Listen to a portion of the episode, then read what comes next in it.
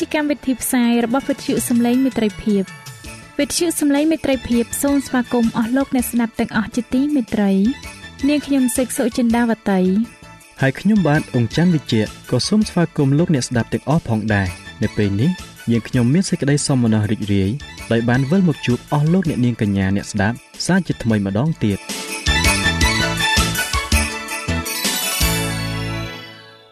ចា៎លោកអ្នកស្ដាប់ជាទីមេត្រី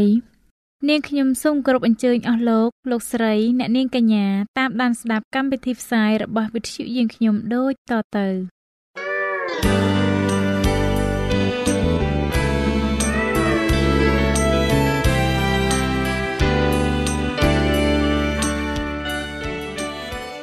ព្រះបន្ទូលសម្រាប់អ្នកនៅថ្ងៃនេះព្រះគម្ពីរយ៉ាកុបជំពូក5ខ12បានចែងថា តែបងប្អូនអើយកុំឲ្យស្បត់ជាដើម ទោះបាននឹងស្ថានសួគ៌ឬនឹងផែនដីក្តី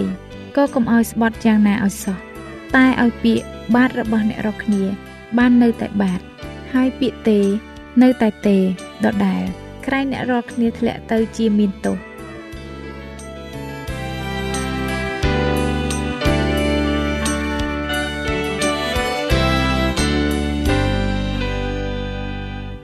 បាទ ខ្ញុំបាទសូមជម្រាបសួរអស់លោកអ្នកស្ដាប់នីតិសបាស្គូលប្រចាំសប្ដាហ៍ទាំងអស់គ្នាជាទីមេត្រីសម្រាប់មេរៀនរបស់យើងនៅសប្ដាហ៍នេះមានចំណងជើងថាកាន់គម្ពីរចោទយកថានៅក្នុងគម្ពីរសញ្ញាថ្មីសម្រាប់អស់លោកអ្នកដែលចង់បានមេរៀននេះប្រើប្រាស់នៅលើទូរស័ព្ទដៃ Android លោកអ្នកអាចទាញយកបានតាមរយៈ Play Store ដោយវាយពាក្យថាខ្មែរសបាស្គូល មុននឹងចាប់ផ្ដើមចូលមេរៀនរបស់យើងនៅថ្ងៃនេះខ្ញុំបាទសូមឲ្យអស់លោកអ្នកបានពិចារណានៅចំណុចនិងសំណួរមួយចំនួនជាមួយនឹងខ្ញុំបាទដូចតទៅសូមលោកអ្នកគិតអំពីសេចក្តីពិតនៃព្រះគម្ពីរទាំងអស់ដែលព្រះបានប្រទានឲ្យយើងក្នុងនាមជា Seven Day Adventist តើហេតុអ្វីបានជាការដែលយើងរស់នៅ តាមអ្វីដែលយើងជឿសំខាន់ម្ល៉េះតើហេតុអ្វីបានជាយើងមិនគួរបង្ហាញថាយើងស្រឡាញ់អ្នកណាម្នាក់លើសជាងអ្នកណាម្នាក់ផ្សេងទៀតនោះ តើហេតុអ្វីបានជាឈើឆ្កាងបង្ហាញយើងថាទង្វើបែបនេះមិនត្រឹមត្រូវនោះទេតើឈើឆ្កាងអាចព្យាបាលយើងចេញពីទង្វើមិនត្រឹមត្រូវនេះបានដោយរបៀបណាដែរអស់លោកអ្នកទាំងអស់គ្នាជាទីមេត្រីគម្ពីរសញ្ញាថ្មីត្រូវបានបំពេញដោយកាន់គម្ពីរសញ្ញាចាស់អ្នកសរសេរព្រះគម្ពីរសញ្ញាថ្មីតែងតែប្រើសម្រង់មតិចេញពីព្រះគម្ពីរសញ្ញាចាស់ជានិច្ចព្រះយេស៊ូវអង្គទ្រង់ផ្ទាល់ក៏បានឆ្លើយតបសំណួរយ៉ាងដូចនេះថា មានសេចក្តីចែងទុកមកដូចនេះព្រះគម្ពីរម៉ាថាយជំពូក4ខ4ហើយសម្រេចតាមបទគម្ពីរទេ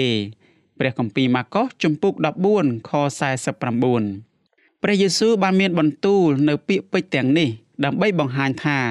សាររបស់ទ្រង់មានប្រភពមកពីព្រះគម្ពីរសញ្ញាចាស់នៅពេលដែលព្រះយេស៊ូវបានជួបសិស្សរបស់ទ្រង់ពីរនាក់នៅតាមផ្លូវទៅឯភូមិអេម៉ោសតើព្រះយេស៊ូវបានបង្ហាញពួកគេថា ទ្រង់ជាអ្នកណាដោយរបៀបណាតើទ្រង់បានធ្វើបរិហារដែរឬទេ ទេទ្រង់ក៏ស្រ័យនៃសេចក្តីដែលតម្រូវដល់ទ្រង់ក្នុងព្រះគម្ពីរទាំងឡាយព្រះគម្ពីរលូកាជំពូក24ខ27អ្នកសរសេរព្រះគម្ពីរសញ្ញាថ្មី បានប្រើរឿងសម្រង់មតិនិងបទទំនាយចេញពីគម្ពីរសញ្ញាចាស់ដើម្បីពន្យល់អំពីសំណេររបស់ពួកគេ អ្នកសរសេរព្រះគម្ពីរទាំងនោះភាគច្រើនតែងតែប្រើសម្រង់មតិ ចេញពីព្រះគម្ពីរចោទយកថា ព្រះគម្ពីរទំនុកដំកើង និងព្រះគម្ពីរអេសាយអ្នកសរសេរកាន់គម្ពីរម៉ាថាយម៉ាកុសលូកាយូហានរ៉ូមកាឡាទីកូរិនថូសខ្សែទី1កូរិនថូសខ្សែទី2ព្រះគម្ពីរហេព្រើរសម្បត្តិនៃគម្ពីរសញ្ញាថ្មីមួយចំនួន និងព្រះគម្ពីរវិវរណៈទាំងអស់សុទ្ធតែប្រើសម្រង់មតិចេញពីកាន់គម្ពីរចោទយកថា មេរៀនរបស់យើងសម្រាប់សប្តាហ៍នេះយើងនឹងក្រឡេកមើលសម្រង់មតិនៃឧទាហរណ៍ក្នុងគម្ពីរសញ្ញាថ្មីមួយចំនួន ដែលចេញពីព្រះគម្ពីរចោទយកថា យើងនឹងចោទសួរថាតើខទាំងនេះបង្រៀនយើងអ្វីខ្លះអំពីសេចក្តីពិតបច្ចុប្បន្ននេះលោកអ្នកនឹងនឹកចាំថាសេចក្តីពិតបច្ចុប្បន្នគឺជាសេចក្តីពិតនៃព្រះគម្ពីរដែលយើងត្រូវការជាទីបំផុតសម្រាប់សម័យកាលរបស់យើងនេះឯង។ មានសេចក្តីចែងទុកមកយ៉ាងដូចនេះព្រះយេស៊ូវមិនបានឆ្លោះប្រកែកជាមួយសាតាំងឡើយទ្រង់បានឆ្លើយទៅសាតាំងដោយប្រើខព្រះគម្ពីរព្រះយេស៊ូវជ្រាបថាព្រះបន្ទូលនៃព្រះរស់នៅហើយពូកែផងក៏មុតជាងដាវណាមានមុខពីរផងព្រះគម្ពីរហេព្រើរជំពូក4ខ12អស់ទាំងចម្លើយដែលព្រះយេស៊ូវបានឆ្លើយទៅសាតាំងសុទ្ធតែចេញពីព្រះគម្ពីរចោទយកថាតើលោកអ្នកឃើញទេថា ព្រះយេស៊ូវបានឆ្លើយទៅសាតាំងនៅក្នុងទីរហោស្ថាន ដោយប្រើខគម្ពីរដែលប្រគល់ឲ្យសាសអ៊ីស្រាអែលកាលនៅឯទីរហោស្ថានដែរឬទេសូមក្រឡេកមើលកាលដែលសាតាំងបានព្យាយាមលបួងព្រះយេស៊ូវជាលើកទី1ឲ្យប្រព្រឹត្តអំពើបាបព្រះយេស៊ូវមិនសពព្រះតីដែលសាតាំងព្យាយាមលបួងទ្រង់ឲ្យមានមន្ទិលសង្ស័យចំពោះព្រះ និងព្រះបន្ទូលទ្រង់នោះទេ ម្ល៉េះហើយបានជាទ្រង់ឆ្លើយទៅសាតាំងវិញដោយប្រើពាក្យធ្ងន់ធ្ងរចេញពីកាន់គម្ពីរចោទយកថាជំពូក8ខ3នៅក្នុងខនេះលោកម៉ូសេបានប្រាប់ឲ្យសាសអ៊ីស្រាអែលនឹកចាំពីអ្វីអ្វីគ្រប់យ៉ាង ដែលព្រះអម្ចាស់បានធ្វើសម្រាប់ពួកគេ នៅក្នុងទីរហោស្ថានព្រះបានប្រទាននំម៉ាណាដល់ពួកគេនំម៉ាណាគឺជាអាហារដ៏ពិសេសបំផុតដែលធ្លាក់ពីលើមេឃមកជារៀងរាល់ព្រឹក ព្រះគម្ពីរចោទយកថាចំពុក8ខ3បានចែងថាទ្រង់ក៏បានបន្ទាបចិត្តឯងមែនព្រមទាំងឲ្យឃ្លានផង រួចបានចិញ្ចឹមឯងដោយនំម៉ាណា ដែលឯងនិងពួកអាយកោឯងមិនដែលស្គាល់ឡើយដើម្បីឲ្យឯងបានដឹងថា មនុស្សមិនមែនរស់ដោយសារតែនំប៉័ងប៉ុណ្ណោះទេ គឺរស់ដោយសារគ្រប់ទាំងព្រះបន្ទូលដែលចេញពីព្រះអស់នៃព្រះយេហូវ៉ាមកដែរអរលោកអ្នកជាទីមេត្រី តើមានអ្វីកើតឡើងនៅពេលដែលសាតាំងបានព្យាយាមលបងព្រះយេស៊ូវឲ្យប្រព្រឹត្តអំពើបាបជាលើកទី2នោះជាថ្មីម្ដងទៀតព្រះយេស៊ូវបានឆ្លើយទៅសាតាំងវិញជាមួយនឹងកាន់គម្ពីរចោទយកថាជំពូក6ខ16នៅក្នុងខនេះលោកម៉ូសេបានប្រាប់ពួកបណ្ដាជនឲ្យនឹកចាំអំពីរបៀបដែលពួកគេបានបែរមកទាស់នឹងព្រះនៅឯភ្នំស៊ីណាយលោកអ្នកអាចអានបន្ថែមនៅក្នុងព្រះគម្ពីរនិខាម៉ាណាំងជំពូក17ខ1ដល់ខ17 លោកម៉ូសេបានមានប្រសាសន៍ថាកុំឲ្យឯងរាល់គ្នាលបងលព្រះយេហូវ៉ាជាព្រះនៃឯងដូចជាបានលបងលទ្រង់នៅត្រង់ម៉ាសានោះឡើយព្រះគម្ពីរចោទយកថាជំពូក6ខ16ពាក្យដែលសរសេរថាលបងលក៏អាចមានន័យថាបង្ហាញ ឬដាក់អ្វីមួយ នៅក្នុងការសាឡបងផងដែរ ព្រះអម្ចាស់បានបង្ហាញរាជរបស់ទ្រង់អំពីអំណាចនិងសេចក្តីស្រឡាញ់របស់ទ្រង់ម្ដងហើយម្ដងទៀតរួចទៅហើយប៉ុន្តែនៅពេលដែលមានបញ្ហាមកដល់ពួកគេបានស្រែកឡើងថាតើព្រះយេហូវ៉ាទ្រង់នៅកណ្ដាលពួកយើងរាល់គ្នាមែនឬព្រះគម្ពីរនិខាម៉ាណាំងជំពូក17ខ7តើមានអ្វីកើតឡើងនៅពេលដែលសាតាំងបានព្យាយាមលបួងព្រះយេស៊ូវឲ្យប្រព្រឹត្តអំពើបាបជាលើកទី3នោះ សាតាំងចង់ឲ្យព្រះយេស៊ូវក្រាបថ្វាយបង្គំដល់វា តាមម្ដងនេះព្រះយេស៊ូវនឹងឆ្លោះប្រកែកជាមួយនឹងសាតាំងឬទេ ទេមិនមែនទេ ជាថ្មីម្ដងទៀតព្រះយេស៊ូវបានឆ្លើយទៅសាតាំងដោយប្រើខមួយចេញពីព្រះគម្ពីរចោទយកថាខនេះបានដាស់តឿនកុំឲ្យសាសអ៊ីស្រាអែលងាកចេញពីព្រះ ទៅថ្វាយបង្គំពួកព្រះខ្លែងខ្លាយឡើយ សាសអ៊ីស្រាអែលគួរតែកោតខ្លាចដល់ព្រះយេហូវ៉ាជាព្រះនៃឯងហើយគោរពប្រណិប័តដល់ទ្រង់ផងព្រះគម្ពីរចោទយកថាជំពូក6ខ13តើការសិក្សាព្រះគម្ពីររបស់យើង អាចជួយឲ្យយើងបង្ហាញអំពីព្រះយេស៊ូវនិងសេចក្តីស្រឡាញ់របស់ទ្រង់ដល់អ្នកដទៃកាន់តែពេញលេញឡើងដោយរបៀបណាព្រះគម្ពីរអាចផ្ដល់កម្លាំងបន្ថែមដល់យើងក្នុងការនិយាយពាក្យថាទេទៅកាន់សាតាំងដោយរបៀបណា ព្រះស្រឡាញ់មនុស្ស ទាំងអស់ស្មើស្មើគ្នា នៅក្នុងព្រះគម្ពីរចោទយកថាជំពូក10លោកម៉ូសេចង់ឲ្យពួកបណ្ដាជនមើលឃើញអំពីមូលហេតុដែលពួកគេគួរតែបង្ហាញសេចក្តីជំនឿលើព្រះ និងគោរពតាមទ្រង់ម្ល៉េះហើយលោកម៉ូសេបានរំលឹកពួកគេអំពីប្រវត្តិសាស្ត្ររបស់ពួកគេម្ដងទៀតតើលោកម៉ូសេបានមានប្រសាសន៍អំពីអ្វីបន្ទាប់ទៀតលោកម៉ូសេបានរំលឹកពួកគេអំពីព្រះដែលស្រឡាញ់ពួកគេជាខ្លាំងតើលោកអ្នកឃើញពាក្យថា ចំពោះទ្រង់មនុស្សទាំងអស់គឺស្មើគ្នាដែរឬទេព្រះគម្ពីរចោទយកថាជំពូក10ខ17ការនិយាយបែបនេះយកចេញពីរូបស័ព្ទនៅក្នុងភាសាហេប្រឺរូបស័ព្ទនេះមានន័យយ៉ាងដូចនេះថា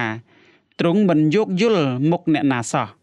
តើការនិយាយបែបនេះមានន័យយ៉ាងដូចម្ដេចក្នុងសម័យព្រះគម្ពីរពេលខ្លះស្ដេចនិងពួកចៅក្រមមិនយុត្តិធម៌ឡើយ ពួកគេកាត់ក្តីពួកបណ្ដាជនតាមរយៈរូបសម្បត្តិខាងក្រៅដោយឡែកកាន់គម្ពីរចោទយកថាបង្ហាញយើងថាព្រះមិនបានជំនុំជម្រះមនុស្សដោយរបៀបនេះឡើយព្រះទ្រង់យុត្តិធម៌ចំពោះមនុស្សគ្រប់គ្នាទាំងអស់ព្រះយេស៊ូវបានបង្ហាញយើងនៅសេចក្តីដ៏ពិតសំខាន់នេះអំពីព្រះនៅពេលដែលទ្រង់យាងចុះមកផែនដីនេះព្រះយេស៊ូវតែងតែសប្បុរសនៅចំពោះមនុស្សគ្រប់គ្នាជានិច្ច ព្រះយេស៊ូវក៏សប្បុរសចំពោះមនុស្សដែលគេគិតថាមិនសំខាន់ផងដែរនៅក្នុងសង្គមលោកប៉ុលបានមានប្រសាសន៍អំពីចំណុចពិបាកពិបាកជាច្រើននៅក្នុងខទាំងនេះកាន់ព្រះគម្ពីរអេភីសូលោកប៉ុលបានដាស់តឿនពួកចៅវាយឲ្យប្រព្រឹត្តល្អចំពោះបាវបម្រើរបស់ខ្លួននៅក្នុងព្រះគម្ពីររ៉ូមលោកប៉ុលបានមានប្រសាសន៍ថាព្រះសង្គ្រោះទាំងសាសយូដានិងសាសដតី ប៉ុន្តែមានចំណុចមួយដែលដូចគ្នានៅក្នុងខទាំងនេះ ខទាំងនេះបានចែងអំពីគោលគំនិតនៅក្នុងកាន់គម្ពីរចោទយកថាថាព្រះស្រឡាញ់មនុស្សទាំងអស់ស្មើស្មើគ្នា នេះគឺជាដំណឹងដ៏ល្អមួយ ប្រសិនបើព្រះអនុវត្តបែបនេះនោះយើងគួរតែអនុវត្តបែបនេះយ៉ាងដូចគ្នាផងដែរលោកប៉ុលបានប្រាប់យើងបន្ថែមទៀតអំពីដំណឹងល្អនេះនៅក្នុងព្រះគម្ពីររ៉ូមព្រះ តតមើលយើងគ្រប់ពេលវេលា យើងទាំងអស់គ្នាជាបាបជន យើងត្រូវការព្រះបង្ហាញយើងអំពីព្រះគុណរបស់ទ្រង់និងសង្គ្រោះយើង ដំណឹងល្អនោះគឺថាព្រះបានផ្ដល់ព្រះគុណរបស់ទ្រង់ដល់មនុស្សគ្រប់គ្នាតាមរយៈអង្គព្រះយេស៊ូវត្រូវព្យួរនៅលើឈើសូមលោកអ្នកអានព្រះគម្ពីរកាឡាទីជំពូក3ខ1ដល់ខ4តើលោកប៉ុលបានមានប្រសាសន៍យ៉ាងដូចម្តេចនៅក្នុងខទាំងនេះ តើហេតុអ្វីបានជាសារនេះសំខាន់ម្ល៉េះសម្រាប់យើងនៅពេលបច្ចុប្បន្ននេះតើលោកប៉ុលបានប្រើខកាន់គម្ពីរចោទយកថាជំពូក27ខ26និងជំពូក21ខ22និងខ23ដើម្បីជួយឲ្យយើងយល់អំពីសាររបស់គាត់ដោយរបៀបណាដែរគួរឲ្យសោកស្ដាយណាស់អស់លោកអ្នកទាំងអស់គ្នាជាទីមេត្រីគ្រីស្ទៀនជាច្រើនអ្នកបានប្រើកាន់គម្ពីរកាឡាទីជាលេសក្នុងការនិយាយថា ពួកយើងមិនចាំបាច់រក្សាក្រឹតវិន័យទៀតឡើយ ជាការពិត យើងបានយល់អំពីលេសនេះយ៉ាងច្បាស់គ្រីស្ទៀនទាំងនេះចង់យកលេសមិនរក្សាថ្ងៃសាបាត ពួកគេគិតថា ការរក្សាថ្ងៃសាបាតឲ្យបរិសុទ្ធបង្ហាញថាលោកអ្នកកំពុងតែព្យាយាមសង្គ្រោះខ្លួនឯងតាមរយៈការគោរពតាមក្រឹតវិន័យលោកប៉ុលបានជំទាស់នឹងគោលគំនិតខុសឆ្គងនេះ លោកប៉ុលមិនបានជឿថា ការដែលយើងរក្សាថ្ងៃសាបាតនោះបង្ហាញថា យើងកំពុងព្យាយាមដើម្បីឲ្យទទួលបានព្រះគុណរបស់ព្រះនោះឡើយម្ល៉េះហើយបានជាលោកប៉ុលមានប្រសាសន៍ជំទាស់នឹងក្រឹតវិន័យនៅក្នុងខព្រះគម្ពីរកាឡាទី ជំពូក3ខ1ដល់ខ14ទោះជាយ៉ាងនេះក្តីហេតុអ្វីបានជាគ្រីស្ទៀនទាំងនោះនៅតែប្រើខទាំងនេះដើម្បីបង្ហាញថាយើងមិនចាំបាច់រក្សាថ្ងៃសាបាតទៀតយ៉ាងដូចនេះ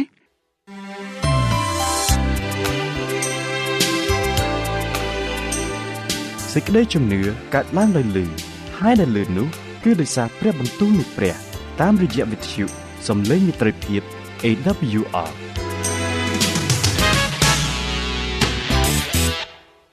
អស់លោកអ្នកជាទីមេត្រីព្រះគម្ពីរកាឡាទីជំពូក3ខ10បង្ហាញយើងនៅចម្លើយឆ្លើយតបទៅនឹងសំណួរនេះលោកប៉ុលបានមានប្រសាសន៍ថាតែអស់អ្នកដែលអាងដល់ការប្រព្រឹត្តតាមក្រឹតវិន័យនោះត្រូវបណ្ដាសាវិញ ព្រះគម្ពីរកាឡាទីជំពូក3ខ10បន្ទាប់មកលោកប៉ុលបានប្រើសម្រងមតិចេញពីព្រះគម្ពីរចោទយកថាជំពូក27ខ26ដូច្នេះតើខទាំងនេះបង្ហាញយើងយ៉ាងដូចម្ដេចខទាំងនេះបង្ហាញយើងថាបញ្ហាមិនមែននៅត្រង់ការគោរពតាមក្រឹតវិន័យរបស់យើងនោះទេប៉ុន្តែបញ្ហាដែលយើងមាននោះគឺថាយើងបានព្យាយាមសង្គ្រោះខ្លួនឯងតាមរយៈ ការគោរពតាមរបស់យើងទៅវិញនោះទេ លោកប៉ុលចង់ឲ្យយើងយល់អំពីគោលគំនិតនេះដូច្នេះគាត់បានប្រើសម្រងមតិផ្សេងទៀតចេញពីព្រះគម្ពីរចោទយកថាម្ដងនេះលោកប៉ុលបានប្រើខគម្ពីរចោទយកថាជំពូក21ខ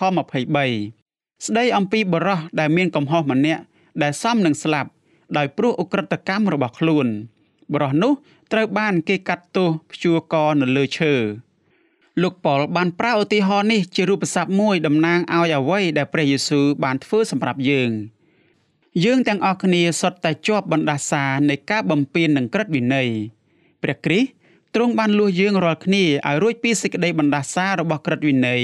ដោយទ្រង់ត្រូវបណ្ដាសាជំនួសយើងរាល់គ្នាព្រះគម្ពីរកាឡាទីជំពូក3ខ13តើបណ្ដាសានោះជាអ្វីទៅ បណ្ដាសានោះគឺជាសេចក្តីស្លាប់ មនុស្សលោកទាំងអស់ត្រូវតែប្រឈមមុខនឹងសេចក្តីស្លាប់នេះពីព្រោះយើងទាំងអស់គ្នាបានបំពានក្រឹតវិន័យហើយប៉ុន្តែដំណឹងល្អនោះគឺថាព្រះយេស៊ូវបានទទួលយកសេចក្តីស្លាប់នេះជំនួសយើងនៅលើឈើឆ្កាងរួចទៅហើយព្រះគម្ពីរកាឡាទីជំពូក3ខ14បានចែងថាប្រយោជន៍ឲ្យយើងបានទទួលសេចក្តីសន្យា គឺជាព្រះវិញ្ញាណដោយសារសេចក្តីជំនឿវិញ នៅក្នុងសៀវភៅការចាប់ផ្ដើមនៃទីបញ្ចប់អ្នកស្រី Ellen G. White បានលើកឡើងថាគ្មានអ្នកណាទៀតឡើយមានតែព្រះយេស៊ូវប៉ុណ្ណោះដែលអាចសង្គ្រោះបាបជនចេញពីបណ្ដាសានៃក្រឹតវិន័យនេះបានមានតែព្រះយេស៊ូវប៉ុណ្ណោះដែលអាចធ្វើឲ្យជីវិតរបស់យើងបានជាសុចរិតព្រះយេស៊ូវបានទទួលយកកំហុសរបស់យើង ដាក់លើអង្គទ្រង់ផ្ទាល់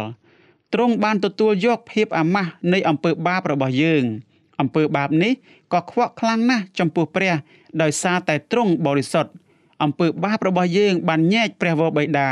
និងព្រះរាជបុត្រាចេញពីគ្នាហោរាដែលព្រះចាត់ឲ្យមកអស់លោកអ្នកជាទីមេត្រីលោកម៉ូសេបានសន្យានឹងពួកបណ្ដាជនពីរដងថា ព្រះអម្ចាស់នឹងចាត់ហោរាម្នាក់ឲ្យមកឯពួកគេនៅពេលអនាគតព្រះគម្ពីរចោទយកថាជំពូក18ខ15និងខ18 ហោរាម្នាក់នេះក៏ដូចជាលោកម៉ូសេផងដែរគឺហោរានេះឯងនឹងឈររវាងព្រះនិងរាជរបស់ទ្រង់ដូចជាលោកម៉ូសេព្រះគម្ពីរនិខមណាំងជំពូក20ខ18ដល់ខ21ប៉ុន្មានរយឆ្នាំក្រោយមកលោកពេត្រុសនិងលោកស្តេផាន បានប្រើខព្រះគម្ពីរចោទយកថាជំពូក18ខ15និងខ18ដើម្បីពិពណ៌នាអំពីអង្គព្រះយេស៊ូវ លោកពេត្រុសបានជឿថាព្រះយេស៊ូវគឺជាព្រះអង្គសង្គ្រោះដែលអ្នកសរសេរដ៏បរិសុទ្ធនៅក្នុងព្រះគម្ពីរសញ្ញាចាស់បានពិពណ៌នាព្រះគម្ពីរកិច្ចការជំពូក3ខ21ហេតុដូច្នេះហើយលោកពេត្រុសបានប្រាប់ពួកយូដាថាព្រះយេស៊ូវគឺជាហោរាដែលព្រះបានសន្យានៅក្នុងព្រះគម្ពីរចោទយកថាជំពូក18ខ15និងខ18ថាទ្រង់នឹងចាត់ទ្រង់ឲ្យមកឯពួកគេ ពួកយូដាបានដឹងអំពីខទាំងនេះយ៉ាងច្បាស់នេះគឺជាមូលហេតុដែលនាំឲ្យលោកពេត្រុសប្រើខទាំងនេះទៅកាន់ពួកគេ លោកពេត្រុសចង់ជួយពួកគេឲ្យមើលឃើញថាព្រះយេស៊ូវជាអ្នកណាឲ្យពិតប្រាកដពេលនោះពួកយូដាបានឃើញថាហេតុអ្វីបានជាពួកគេត្រូវសារភាពទោសកំហុសដែលពួកគេបានធ្វើចំពោះព្រះយេស៊ូវកន្លងមកព្រះគម្ពីរកិច្ចការជំពូក3ខ19 បន្ទាប់មកយើងនឹងក្រឡេកមើលរបៀបដែលលោកស្ថេផានបានសរសេរដោយដកស្រង់ព្រះគម្ពីរចោទយកថាជំពូក18ខ15និងខ18ចូលទៅក្នុងព្រះគម្ពីរកិច្ចការជំពូក7ខ37វិញម្ដង លោកស្តេផានបានមានប្រសាសន៍ថាខនៅក្នុងព្រះគម្ពីរចោទយកថាទាំងនេះសុទ្ធតែឆ្លុះបញ្ចាំងអំពីព្រះយេស៊ូវលោកស្តេផានក៏បានប្រកាសថា ព្រះយេស៊ូវគឺជាព្រះអង្គសង្គ្រោះនៃសេចក្តីសន្យាផងដែរជាការពិតណាស់ព្រះយេស៊ូវគឺជាព្រះអង្គនៃសេចក្តីសន្យាដែលព្រះបានមានបន្ទូលប្រាប់ដល់លោកម៉ូសេលោកស្តេផានក៏បានមានប្រសាសន៍ថាលោកម៉ូសេគឺជាឧទាហរណ៍មួយនៃមេដឹកនាំម្នាក់ដូចជាព្រះយេស៊ូវដែលបានយាងមកផែនដីនេះដូច្នោះដែរដូច្នេះពួកយូដាត្រូវតែគោរពតាមព្រះយេស៊ូវនិងអ្វីគ្រប់យ៉ាងដែលទ្រង់បានមានបន្ទូលទៅកាន់ពួកគេ ប៉ុន្តែជាការគួរឲ្យសោកស្ដាយណាស់ពួកយូដាមិនចង់ស្ដាប់នៅអ្វីអ្វីដែលលោកស្តេផានបានព្យាយាមថ្លែងប្រាប់ពួកគេនោះទេ ពួកគេបានចោទប្រកាន់លោកស្តេផានថា បានពោលពាក្យប្រមាថដល់លោកម៉ូសេហើយដល់ព្រះផងព្រះគម្ពីរកិច្ចការជំពូក6ខ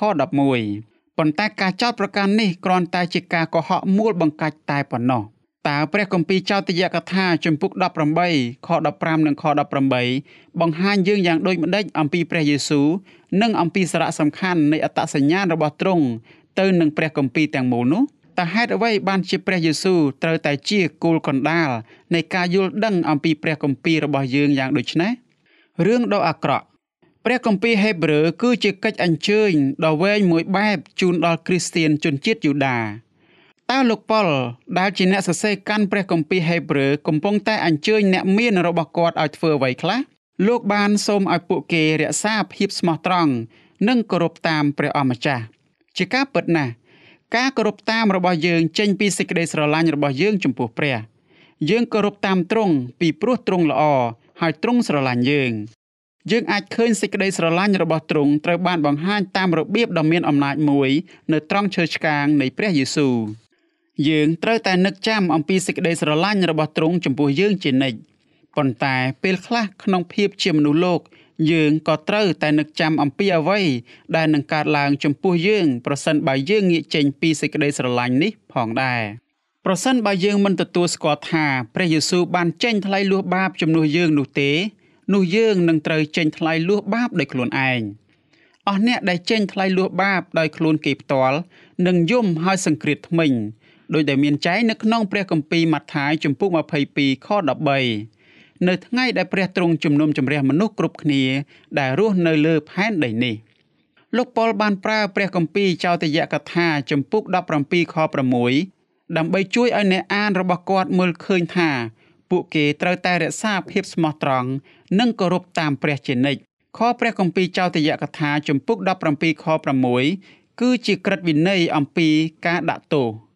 ខព្រះគម្ពីរនេះបានបកស្រាយអំពីអ្វីដែលពួកបណ្ដាជនគួរតែធ្វើជាមួយនឹងអ្នកណាម្នាក់ដែលមានកំហុសនៃអ ுக ្រិតកម្មដ៏អាក្រក់ជាដំបូងស្មោះបន្ទាល់2ទៅ3នាក់ត្រូវតែផ្ដល់របាយការណ៍ដែលបង្ហាញថាបុគ្គលនោះមានកំហុសពិតមែនបន្ទាប់មកទើបគេអាចប្រហារជីវិតបុគ្គលនោះចំពោះអំពើអ ுக ្រិតកម្មរបស់ខ្លួនបាន លោកប៉ុលបានប្រើខនេះចេញពីព្រះគម្ពីរចោទយកថា ដើម្បីបង្រៀនសេចក្តីពិតនៃព្រះគម្ពីរអំពីសេចក្តីសញ្ញាថ្មី នៅក្រោមសេចក្តីសញ្ញាចាស់អ្នកដែលមិនគោរពតាមព្រះត្រូវគេសម្លាប់ គេគួរមានទោសជាធ្ងន់ជាងយ៉ាងណាទៅ ដែលគេជន់ឈ្លីព្រះរាជបុត្រានៃព្រះ ទាំងរាប់ព្រះលោហិតនៃសេចក្តីសញ្ញា ដែលបានញែកគេចេញជាបរិសុទ្ធទុកដូចជារបស់ប្រើធម្មតា ហើយថ្មេះតេះដៀលដល់ព្រះវិញ្ញាណដ៏មានព្រះគុណផងនោះព្រះគម្ពីរហេព្រើរជំពូក10ខ29ម្យ៉ាងទៀតលោកប៉ុលបានប្រាប់អ្នកអានរបស់គាត់ថាពួកគេមានចំណេះដឹងអំពីព្រះច្រើនជាងពួកយូដាដែលរស់នៅក្រោមសេចក្តីសញ្ញាចាស់ទៅទៀតបើសិនគ្រីស្ទៀននៅក្រោមសេចក្តីសញ្ញាបានងាកចេញពីព្រះនោះ ទណ្ឌកម្មរបស់ពួកគេនឹងធ្ងន់ធ្ងរលើសជាងអ្វីដែលជាជនជាតិអ៊ីស្រាអែលបានរងទុក្ខនោះទៅទៀតដូច្នេះហើយសូមប្រុងប្រយ័ត្នទាំងអស់គ្នា នៅត្រង់ចំណុចនេះអស់លោកអ្នកជាទីមេត្រីមេរៀនរបស់យើងសប្តាហ៍នេះអ្នកសរសេរព្រះគម្ពីរសញ្ញាចាស់ជាច្រើនបានប្រើសម្រងមតិចេញពីព្រះគម្ពីរសញ្ញាចាស់ដទៃទៀតទន្ទឹមនឹងនេះគម្ពីរសញ្ញាថ្មី មានពោពេញទៅដោយសម្រងមតិគោលគំនិត ប្រវត្តិសាស្ត្រ និងរឿងទាំងឡាយដែលចេញពីព្រះគម្ពីរសញ្ញាចាស់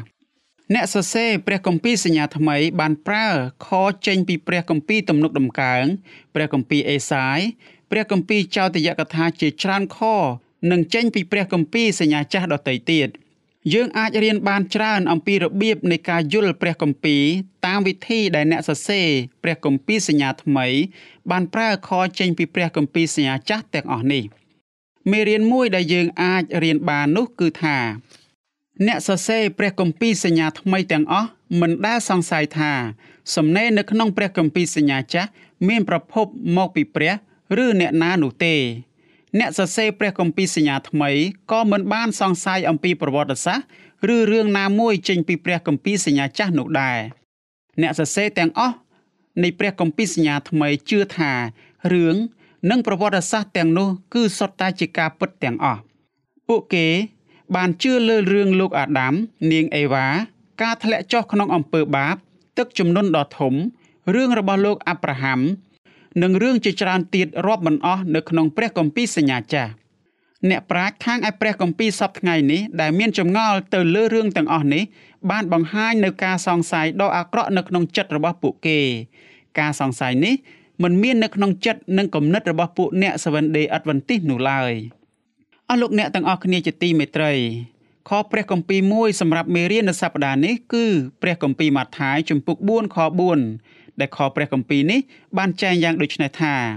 តែទ្រង់មានព្រះបន្ទូលប្រាប់ថា មានសេចក្តីចែងទុកមកដូចនេះមនុស្សមិនមែនរស់ដោយសារតែនំប៉័ងប៉ុណ្ណោះទេ គឺរស់ដោយសារគ្រប់ទាំងព្រះបន្ទូលដែលចេញពីព្រះអស់ព្រះមកដែរអស់លោកអ្នកជាទីមេត្រីសូមឲ្យអត្តន័យនៃមេរៀននេះបានជាប្រពោដល់អស់លោកអ្នកគ្រប់គ្រប់គ្នា ជាពិសេសសូមឲ្យព្រះបន្ទូលនៃព្រះទោះបីនៅក្នុងព្រះគម្ពីរសញ្ញាចាស់និងព្រះគម្ពីរសញ្ញាថ្មី បានផ្ដល់ជាចំណេះដឹងបានផ្ដល់ជាកម្លាំងនិងប្រាជ្ញា ដើម្បីឲ្យអស់លោកអ្នកបាននៅជាប់ជាមួយនឹងព្រះជាម្ចាស់គ្រប់គ្រប់គ្នា កម្មវិធីនេះនឹងវិលមកជួបអស់លោកអ្នកជាថ្មីម្ដងទៀតនៅសប្ដាហ៍ក្រោយ សូមអរគុណ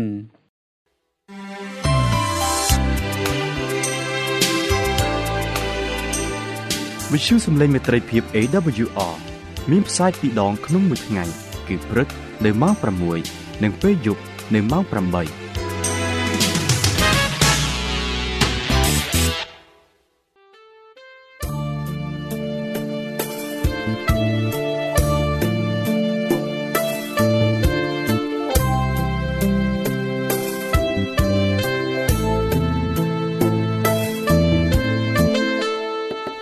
ជាលោកអ្នកមានសំណួរឬសំណុំពរអ្វីសូមតាក់ទងមកការិយាល័យវិទ្យុយើងខ្ញុំ តាមអាស័យដ្ឋានផ្ទះលេខ15ផ្លូវលេខ568សង្កាត់បឹងកក់2ខណ្ឌទួលគោករាជធានីភ្នំពេញលោកអ្នកក៏អាចសរសេរសម្បត្តិផ្ញើមកយើងខ្ញុំ តាមរយៈប្រអប់សម្បត្តិលេខ488ភ្នំពេញឬតាមទូរស័ព្ទលេខ012 34 96 64ឬ097 80 81 060ឬក៏តាមរយៈអ៊ីមែល vol@awr.org យើងខ្ញុំរងចាំទទួលស្វាគមន៍អស់លោកអ្នកនាងដោយក្តីសោមនស្សរីករាយហើយលោកអ្នកក៏អាចស្ដាប់កម្មវិធីនេះឡើងវិញដោយចូលទៅកាន់ website របស់វិទ្យុយើងខ្ញុំ តាមរយៈអាស័យដ្ឋាន www.awr.org